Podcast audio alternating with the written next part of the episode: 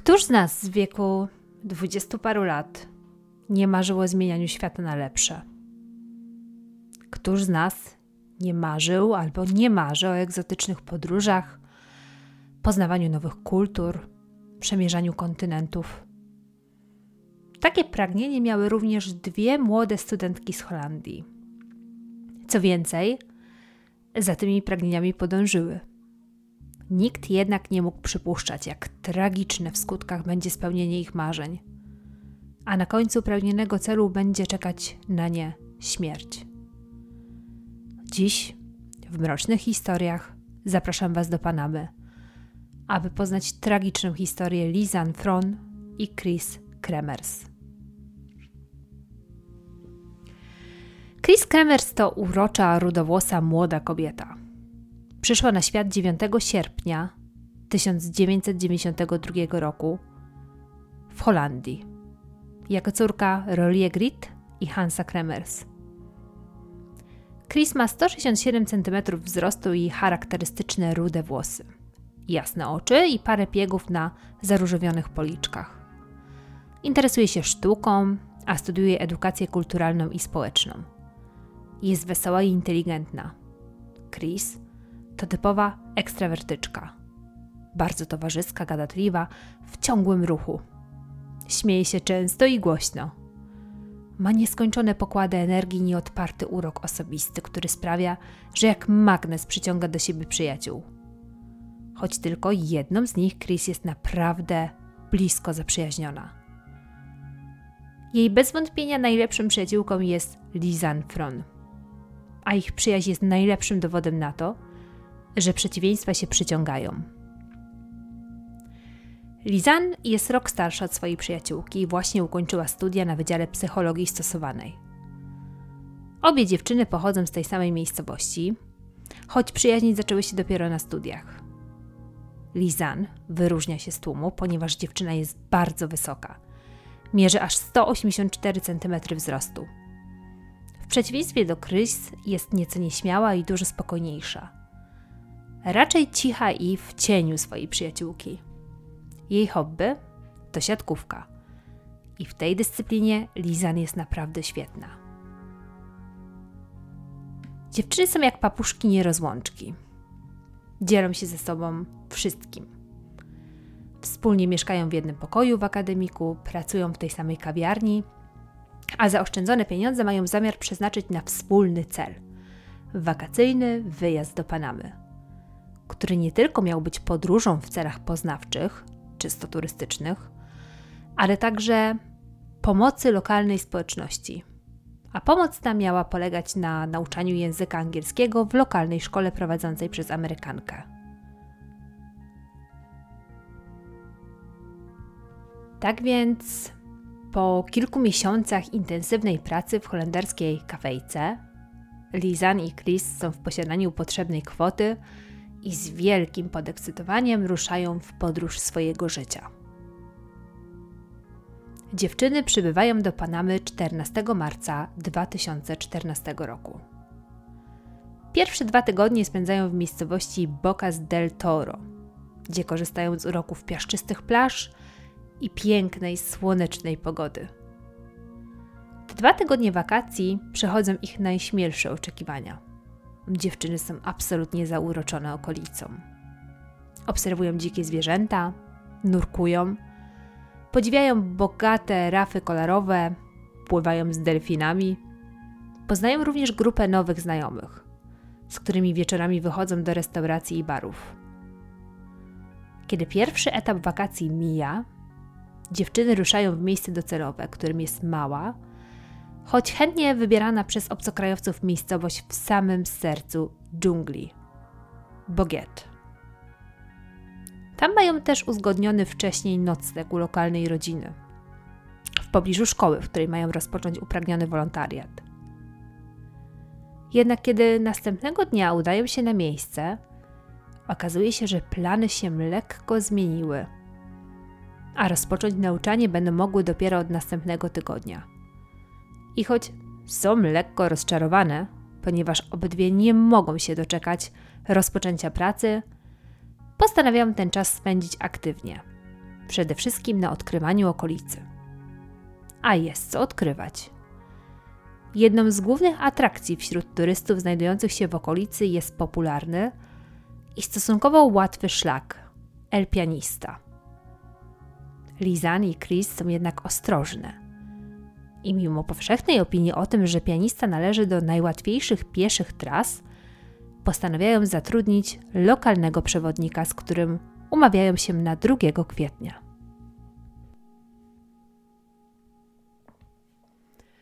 Nadchodzi 1 kwietnia 2014 roku. Dzień Holenderki rozpoczynają od spotkania z nowo poznanymi mężczyznami, również pochodzącymi z Holandii. Udają się na wczesny lunch, następnie na krótkie zwiedzanie miasteczka. Około godziny 11, z do dziś niewyjaśnionych przyczyn, dziewczyny decydują się udać na szlak samodzielnie. Pomimo tego, że na kolejny dzień 2 kwietnia miały umówionego i opłaconego już przewodnika. Pogoda jest typowo tropikalna. 30-stopniowy upał, do tego wysoka wilgotność powietrza. Pomimo tego, albo właśnie z tego powodu, Chris i Lizan pakują plecak, parę butelek wody, przekąski i aparat fotograficzny. Następnie ruszają na szlak El Pianista. Zagadką jest natomiast, w jaki sposób się na niego dostały. Ponieważ od miejsca ich pobytu oddalony był on o kilkanaście minut jazdy samochodem. A biorąc pod uwagę godzinę lunchu i godzinę wykonania pierwszej fotografii ze szlaku, trasem tę musiały pokonać samochodem. Czy ktoś je podwiózł? Czy była to taksówka? Nie jest do końca jasne. Zwłaszcza, że towarzyszem wyprawy był pies należący do gospodarzy stacji, w której nocowały kobiety. Przecież ciężko byłoby złapać autostopa z psem, prawda? Pierwszy etap wędrówki wydaje się dla Holenderek wyjątkowo udany. Dziewczyny pstrykają zdjęcia, na których uwieczniają zarówno imponujący krajobraz dżungli, jak i swoje uśmiechnięte twarze. Istotnym jest, że wszystkie wykonane przez nie fotografie wskazują na to, że na szlak udały się samodzielnie, bez towarzystwa osób trzecich. Wspólne zdjęcia to zazwyczaj tak zwane selfie. Na innych widnieje albo Lizan, albo Chris. Do godziny 14 kamera aparatu rejestruje same radosne fotografie. A następnie na kilka dni zamilka. Co wydarzyło się później, nadal pozostaje tajemnicą. Przychodzi 2 kwietnia. Tego dnia Lizan i Chris umówione były z przewodnikiem, który stawia się na miejscu o umówionej godzinie. Ku jego zaskoczeniu ani Lizan, ani Chris nie pojawiają się na spotkaniu. Przewodnik próbuje dodzwonić się do klientek, ale ich telefon nie odpowiada. Zaniepokojony, postanawia sprawdzić, jaki jest powód nieobecności dziewczyn. Zwłaszcza, że wyprawa włącznie z jego usługą została już opłacona. Udaje się więc w miejsce noclegu kobiet. Tam na progu wita go pies. Oczywiście w tym momencie przewodnik nie wie, że jest to ten sam pies, który towarzyszył turystkom ich wczorajszej wyprawie. Ale śladu po dziewczynach nie ma. Co gorsza, co gorsza, z rozmowy z gospodarzami wynika, że nikt nie widział ich od wczorajszego śniadania, a planowały wyjść w góry. Przewodnik jest ogromnie zaniepokojony.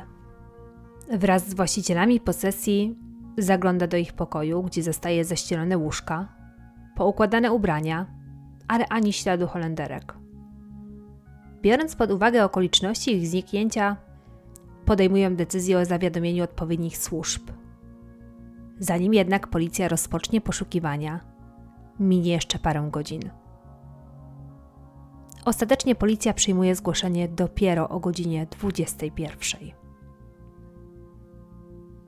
Początkowo w poszukiwaniach bierze udział grupa ochotników składających się głównie z miejscowych farmerów, którzy dobrze znają okolice. Niestety, bez rezultatu. Kolejnego dnia, 3 kwietnia, poszukiwania przejmuje lokalna policja. Policjanci przeczesują szlak z psami tropiącymi. Z góry okolica sprawdzana jest przez znajdujących się na pokładzie helikoptera funkcjonariuszy.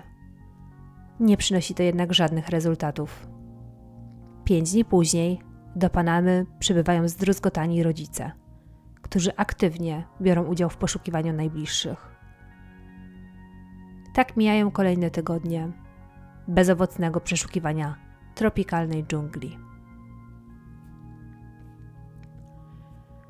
Przełom następuje dopiero w połowie czerwca, kiedy to dwoje lokalnych farmerów po drugiej stronie wododziału i kilkanaście kilometrów od obszaru poszukiwań zauważa porzucony niebieski plecak. Ponieważ w tamtym czasie sprawa zaginięcia turystek jest już bardzo głośna, nie wahają się ani chwili i o znalezisku informują lokalną policję. W środku funkcjonariusze odnajdują dwie pary okularów przeciwsłonecznych, dwa staniki, 83 dolary w gotówce, paszport i aparat fotograficzny Lizan, butelkę na wodę oraz telefony komórkowe zaginionych kobiet. Wszystkie te przedmioty są ku zaskoczeniu wszystkich w bardzo dobrym stanie. Szczególnie biorąc pod uwagę to, że przez dwa i pół miesiąca znajdowały się w środku dżungli, gdzie panują ekstremalne temperatury oraz wilgotność. W dodatku przez ostatnie kilka tygodni zanotowano kilkanaście intensywnych ulew. Dla policji najważniejsze z zawartości zdają się być trzy przedmioty: aparat fotograficzny, na którym wciąż zapisane jest kilkaset zdjęć dokumentujących wyprawę, oraz dwa telefony komórkowe, których analiza może odpowiedzieć na wiele pytań. Te jednak przynoszą więcej pytań niż odpowiedzi. W międzyczasie poszukiwania zostają wznowione w pobliżu odnalezienia plecaka, z nadzieją na szybkie rozwiązanie zagadkowego zniknięcia. Dwa dni później, 16 czerwca, ekipa poszukująca odnajduje kobiece ubrania w odległości kilku kilometrów od plecaka. Co dziwne i nietypowe, ciuchy złożone są w kostkę i leżą starannie ułożone na skale na przeciwległym brzegu rzeki. Szybko zostaje potwierdzone, że należą one do Chris. Dwa miesiące później, w tym samym obszarze, zostaje odnaleziona ludzka miednica oraz but, we wnętrzu którego wciąż znajduje się ludzka stopa. Niedługo potem zostaje również odkryte ponad 30 kości. W wyniku badań DNA udaje się potwierdzić, że należą one do zaginionych kobiet.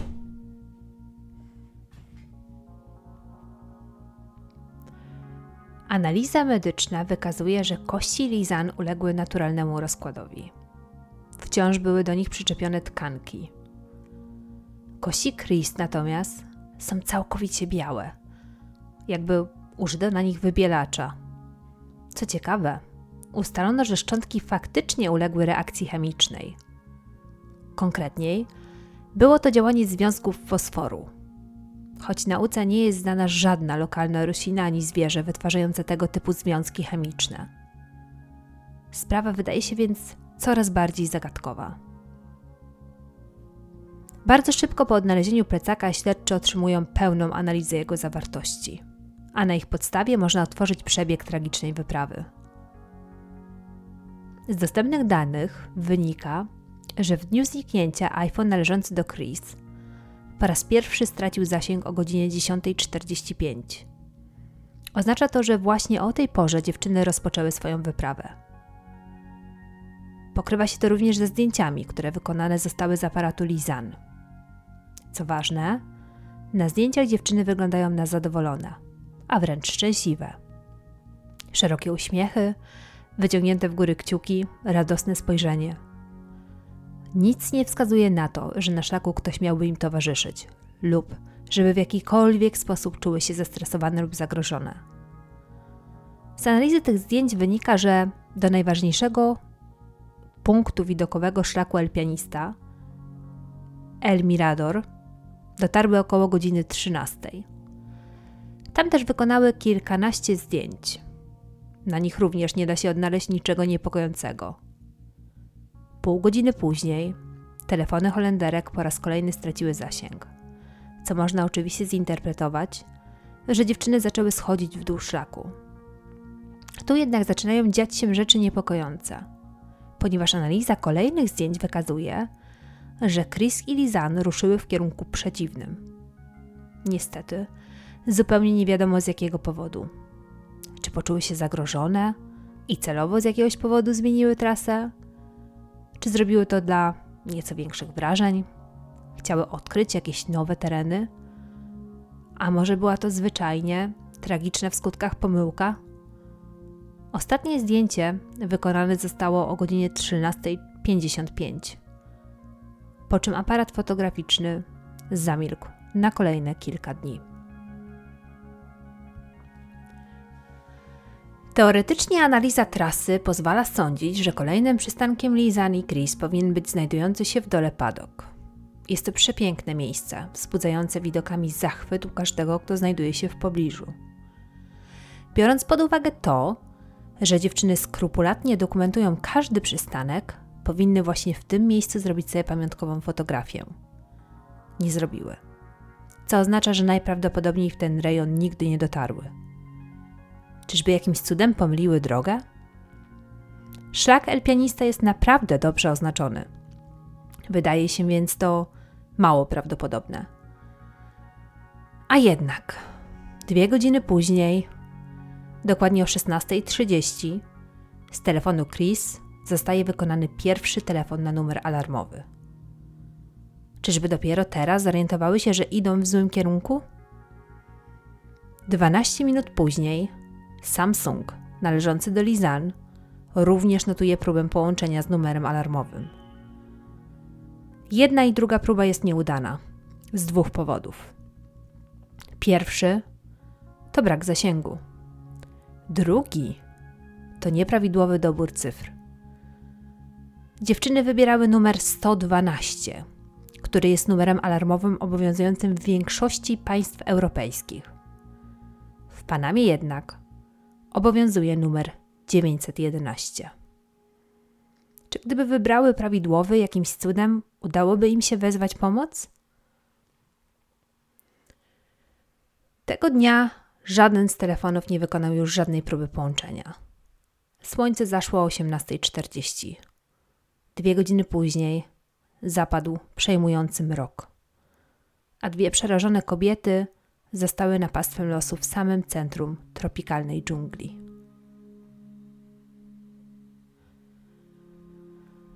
Kolejnego dnia, z samego rana, Samsung Liza zanotował kolejną próbę połączenia na numer alarmowy 112. I tym razem jakimś cudem połączenie zostaje gdzieś przekierowane. Trwa jednak zaledwie kilka sekund, podczas których nie pada żadne słowo, po czym zostaje przerwane. Następna aktywność zanotowana jest w telefonie Chris, dokładnie o godzinie 8.14. Ktoś próbuje dodzwonić się na numer alarmowy, a zaraz po tym połączeniu zostaje wykonany zrzut ekranu. Dla śledczych oznacza to, że telefon w tym momencie mogła obsługiwać osoba nie do końca znająca jego funkcję. Może Lizan, a może ktoś zupełnie inny. Tego dnia jeszcze kilkukrotnie telefon Lizan był uruchamiany, a numer 112 nadal pozostawał bez odpowiedzi. O godzinie 13.56 nareszcie zostaje wykręcony prawidłowy numer 911. Połączenie nawet dochodzi do skutku, jednak natychmiast zostaje zerwane. Kolejnego dnia, czyli 3 kwietnia, telefon Chris zostaje włączony dużo później niż poprzedniego, bo o godzinie 9.32. Co oznaczać może, że dziewczynom udało się przespać w jakichś bardziej komfortowych warunkach. Może w jakimś pomieszczeniu, może w jakiejś chacie. Jest to jednak ostatnia próba połączenia. Kolejne aktywności na telefonach to jedynie próby ich włączenia, bez wykręcania jakiegokolwiek numeru. 5 kwietnia, według analizy, Samsung ostatecznie się rozładował. Niepokojące jednak są sygnały odebrane z telefonu Chris dzień później. Ktoś bowiem próbował kilkukrotnie uruchomić telefon, bez wpisywania numeru PIN. Czyżby telefon znalazł się w ręce osoby trzeciej? Czy może Chris zasłabła lub nawet straciła życie, nie podając uprzednio pinu przyjaciółce? Tego chyba nie dowiemy się już nigdy. Była to ostatnia aktywność. Od 7 kwietnia nikt nie uruchamiał już żadnego z telefonów. Za to dzień później, 8 kwietnia, dzieje się coś, co dotychczas spędza sens z powiek osobom zajmującym się rozwikłaniem tej ponurej zagadki. Aparat fotograficzny Lizan, który od 1 kwietnia nie był używany, między godziną pierwszą a czwartą nad ranem wykonuje aż 90 zdjęć. Tym tylko cztery z nich cokolwiek przedstawiają. Pozostałe to zupełna ciemność. Co więc przedstawiają? Cztery? Pierwsze wykonane o pierwszej 38 to widok w dół zbocza. Kolejne, zrobione zaledwie dwie minuty później, przedstawia kilka gałęzi oplecionych czerwoną reklamówką. Widok ten z jakiegoś powodu przyprawia dreszcze. Konstrukcja jest dziwna i niewątpliwie wykonana przez człowieka. Dlaczego została sfotografowana? Czy ktoś chciał przez to dać coś do zrozumienia? Czy jest to czysty przypadek? Następne zdjęcie to kolejny widok zbocza. Najbardziej niepokojące jest jednak ostatnie. Przedstawia ono rude włosy. Najprawdopodobniej należą do Chris. Włosy zdają się być wyjątkowo czyste, jak na warunki, w których dziewczyna powinna przebywać. Przede wszystkim są suche. To chyba najbardziej dziwi. Wilgotność powietrza i ciągłe opady deszczu w tamtym rejonie zupełnie nie zgadzają się z widokiem zapisanym w pamięci urządzenia. Podstawowe pytanie jest oczywiście, dlaczego w ogóle te włosy zostały sfotografowane? Czy dziewczyny chciały oświetlić sobie drogę? Czy wzywały w ten sposób ekipę poszukiwawczą, którą usłyszały w pobliżu? A może to nie one wykonały tę fotografię? Ostatni ślad to aktywność telefonu. Chris o godzinie 11.56 11 kwietnia 2014 roku. Telefon zostaje włączony na dwie minuty. Do momentu znalezienia plecaka a następnie kości zaginionych, nie ma po kobietach żadnego śladu. To, co przytrafiło się Lizan i Chris do dziś, w zasadzie jest tajemnicą. Od tego czasu narodziło się wiele teorii spiskowych. Najpopularniejsza i chyba najbardziej mroczna z tych teorii to ta, w której dziewczyny zostały zamordowane a ich ciała po prostu porzucone na szlaku, podobnie jak plecak i ubrania. Być może to właśnie potencjalny zabójca namówił dziewczyny, aby udały się na szlak El Pianista samodzielnie bez przewodnika. Następnie śledził je, a one powoli zdając sobie sprawę z zagrożenia, zaczęły zmieniać trasę. Morderca mógł za nimi podążać i ostatecznie dopaść je Mogłoby to tłumaczyć to, dlaczego dziewczyny zboczyły z trasy. W ten sposób mogły chcieć się ukryć. Również obecność wapnia na kościach mogłoby świadczyć o tym, że dziewczyny padły ofiarą morderstwa. W ten sposób potencjalny zabójca mógł chcieć po prostu zatrzeć ślady. Na forach internetowych często można dopatrzyć się niepochlebnych opinii na temat przewodnika, z którymi dziewczyny miały się spotkać. Część kobiet korzystających z jego usług miało czuć się w jego obecności niekomfortowo. Niektóre twierdziły, że czuły realne zagrożenie, że mężczyzna ten się do nich przystawiał, a kiedy te nie odwzajemniały jego podlotów, stawał się wulgarny i niemiły. Zwolennicy tej teorii uważają, że przewodnik mógł celowo zmienić miejsce spotkania, datę oraz godzinę spotkania, nie informując o tym nikogo poza dziewczynami. następnie uwięzić je w sobie tylko znanym miejscu, a całą resztę wydarzeń upozorować, łącznie z zaniepokojeniem i ze zgłoszeniem sprawy na policję. Szczerze mówiąc, dla mnie ta wersja wydaje się mało prawdopodobna, ale tak jak mówię, często można się z nią spotkać w internecie.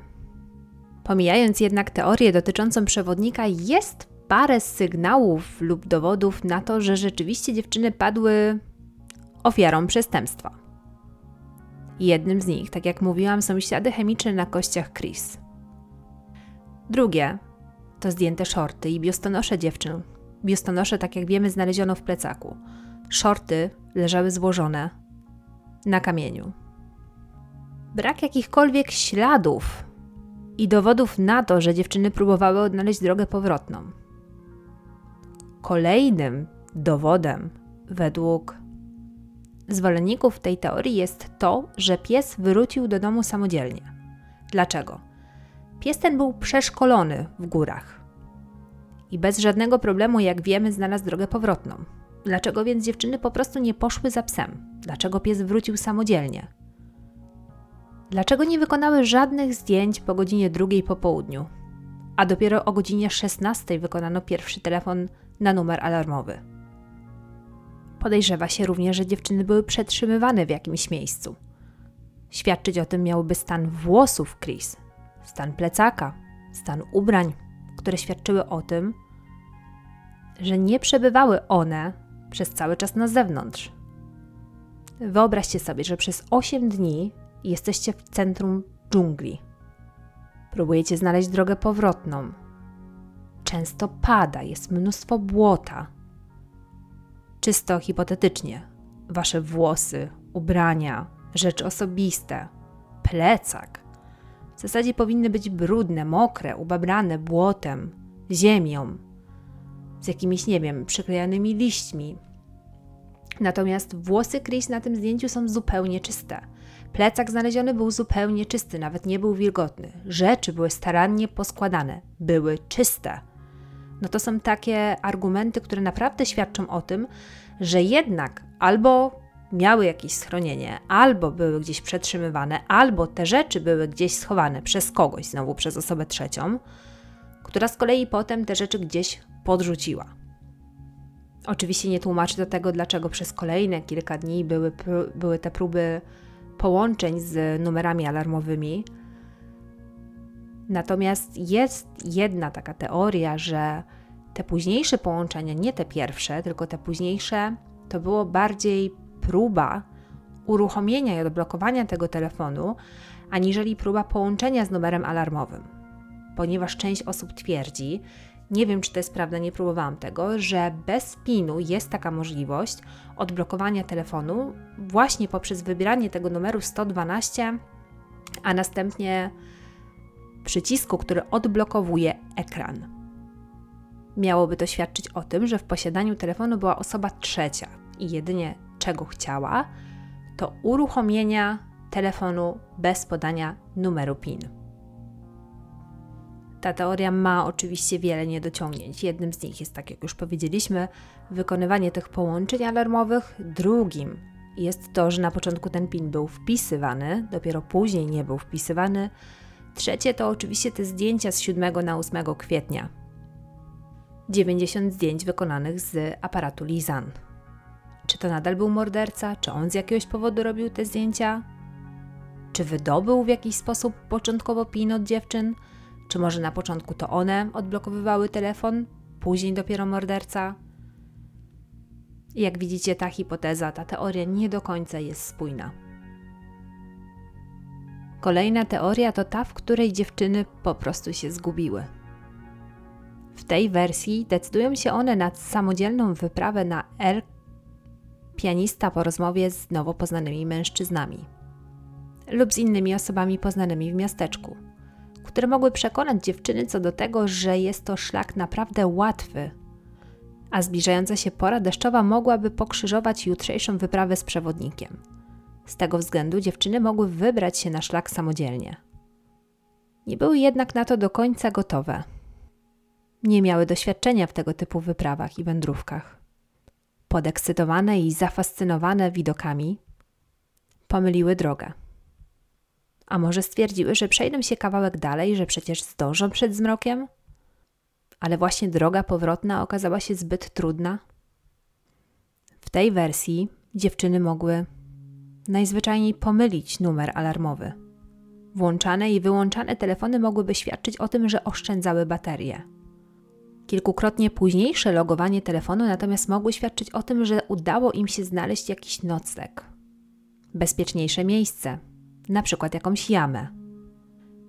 90 zdjęć wykonanych w nocy mogłoby dowodzić, że dziewczyny usłyszały gdzieś z daleka jakąś ekipę poszukiwawczą, być może zauważyły helikopter lecący nad nimi i w ten sposób właśnie tymi fleszami próbowały dać znać, gdzie są. Jedna z wersji oczywiście mówi, że w tamtym czasie żyła już tylko Lizan, której telefon wcześniej się rozładował. Ponieważ nie znała pinu do telefonu Chris, podejmowała próby jego odblokowania. W ten sposób przeżyła aż 11 dni. I znów nie tłumaczy to tego, dlaczego na kościach Chris znaleziono fosfor. Nie tłumaczy to zdjęcia czystych włosów Lizan.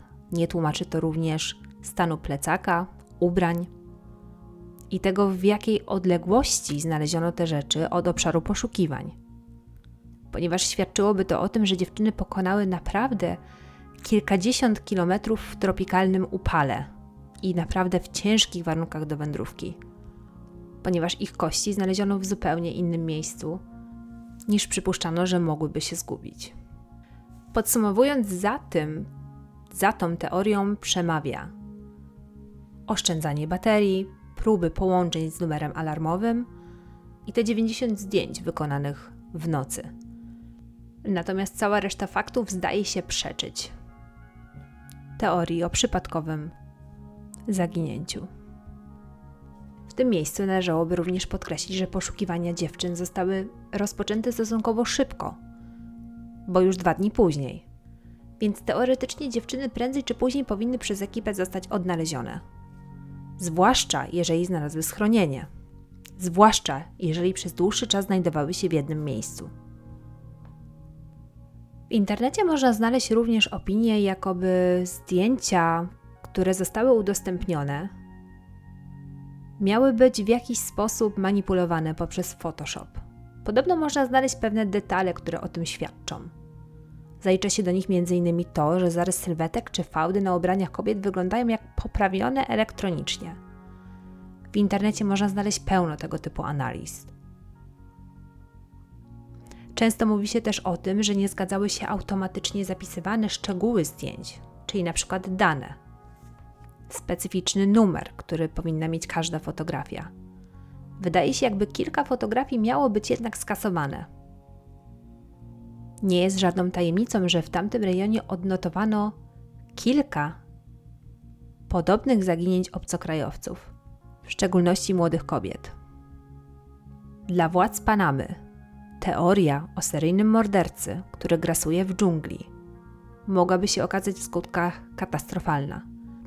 Głównie ze względu na to, że tamten rejon i szlak El Pianista jest wręcz oblegany przez zagranicznych turystów. Czy możliwe jest więc, że policja zmanipulowała fakty i oficjalnie uznała zaginięcie dziewczyn za wypadek, tylko po to, żeby zatuszować serię zaginięć i morderstw popełnionych w tamtym rejonie? Jest również pewna ciekawa teoria o tym, że dziewczyny tak naprawdę do bukiet wróciły. A cała reszta, czyli połączenia z tych telefonów, próby połączeń na numer alarmowy, to jest po prostu jedna wielka manipulacja osoby, która jest odpowiedzialna za ich zaginięcie. Świadczyć miałoby o tym przede wszystkim zeznanie świadków, kilku osób mieszkających w Bukiet, które twierdziły, że widziały dziewczyny o godzinie 16 w miasteczku. I miałoby to być dokładnie 1 kwietnia. Teoretycznie pół godziny później miało być wykonane pierwsze połączenie na numer alarmowy. Oznaczałoby to oczywiście, że dziewczyny zostały zamordowane gdzieś w Bokiet, na przykład na swojej stacji albo w pobliżu stacji, a następnie kilka dni później ich ciała zostały przeniesione i porzucone w dżungli łącznie z rzeczami i ubraniami dziewczyn. Kolejna i chyba ostatnia teoria, na którą natknęłam się w internecie, to ta, która mówi o kartelu narkotykowym.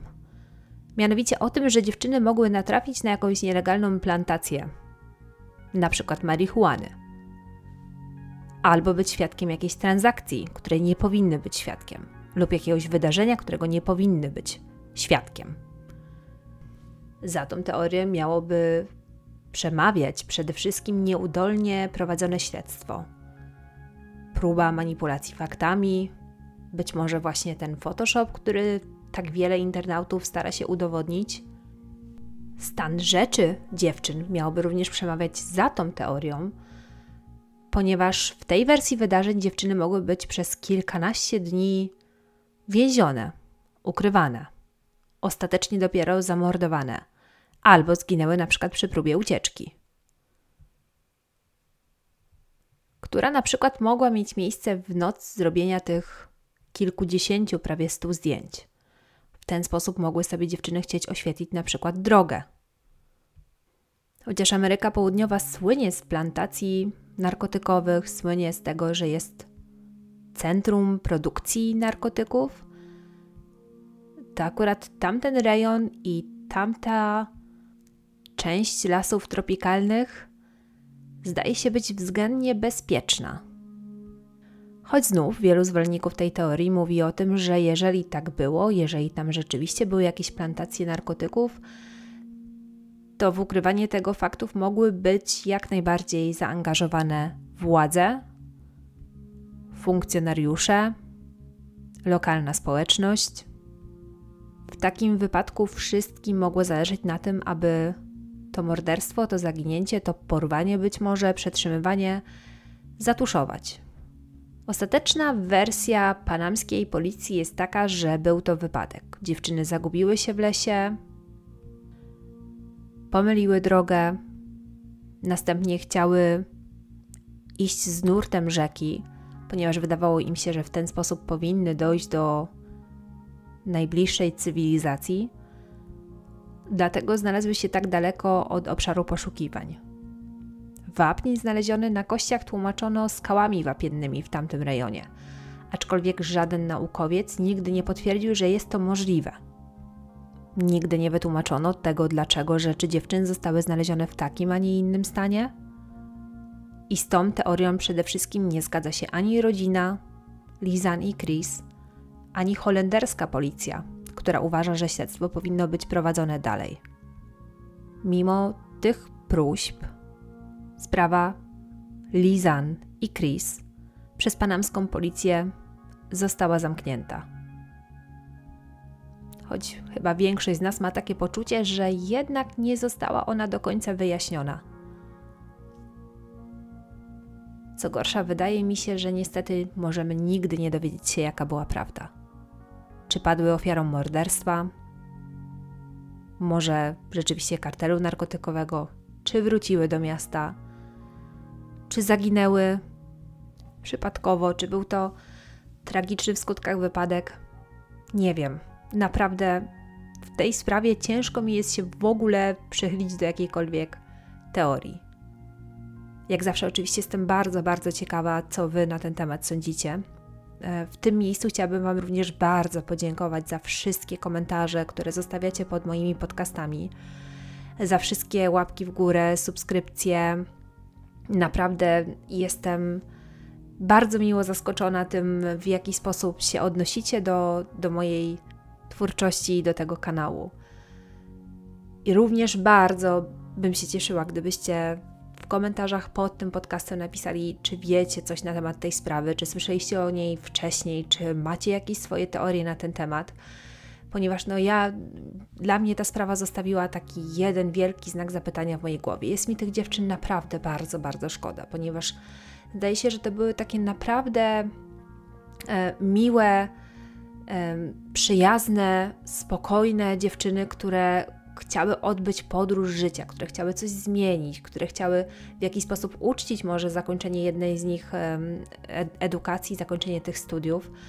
Na pewno były ambitne, na pewno były radosne, pełne życia i cokolwiek im się przytrafiło, czy to było zaginięcie, czy to było morderstwo, to jest naprawdę tragiczne. Samo to, że one spędziły tyle dni w tej wersji, w której um, był to wypadek, że tyle dni spędziły w tej dżungli, 11 dni w, w lesie tropikalnym, to jest naprawdę, naprawdę straszne. Um, to już wszystko, co dla Was dzisiaj przygotowałam. Dziękuję Wam bardzo serdecznie, że tutaj po raz kolejny jesteście. Zapraszam do subskrypcji, zapraszam do komentarzy jeszcze raz i mam nadzieję, że słyszymy się już wkrótce. Trzymajcie się ciepło i uważajcie na siebie.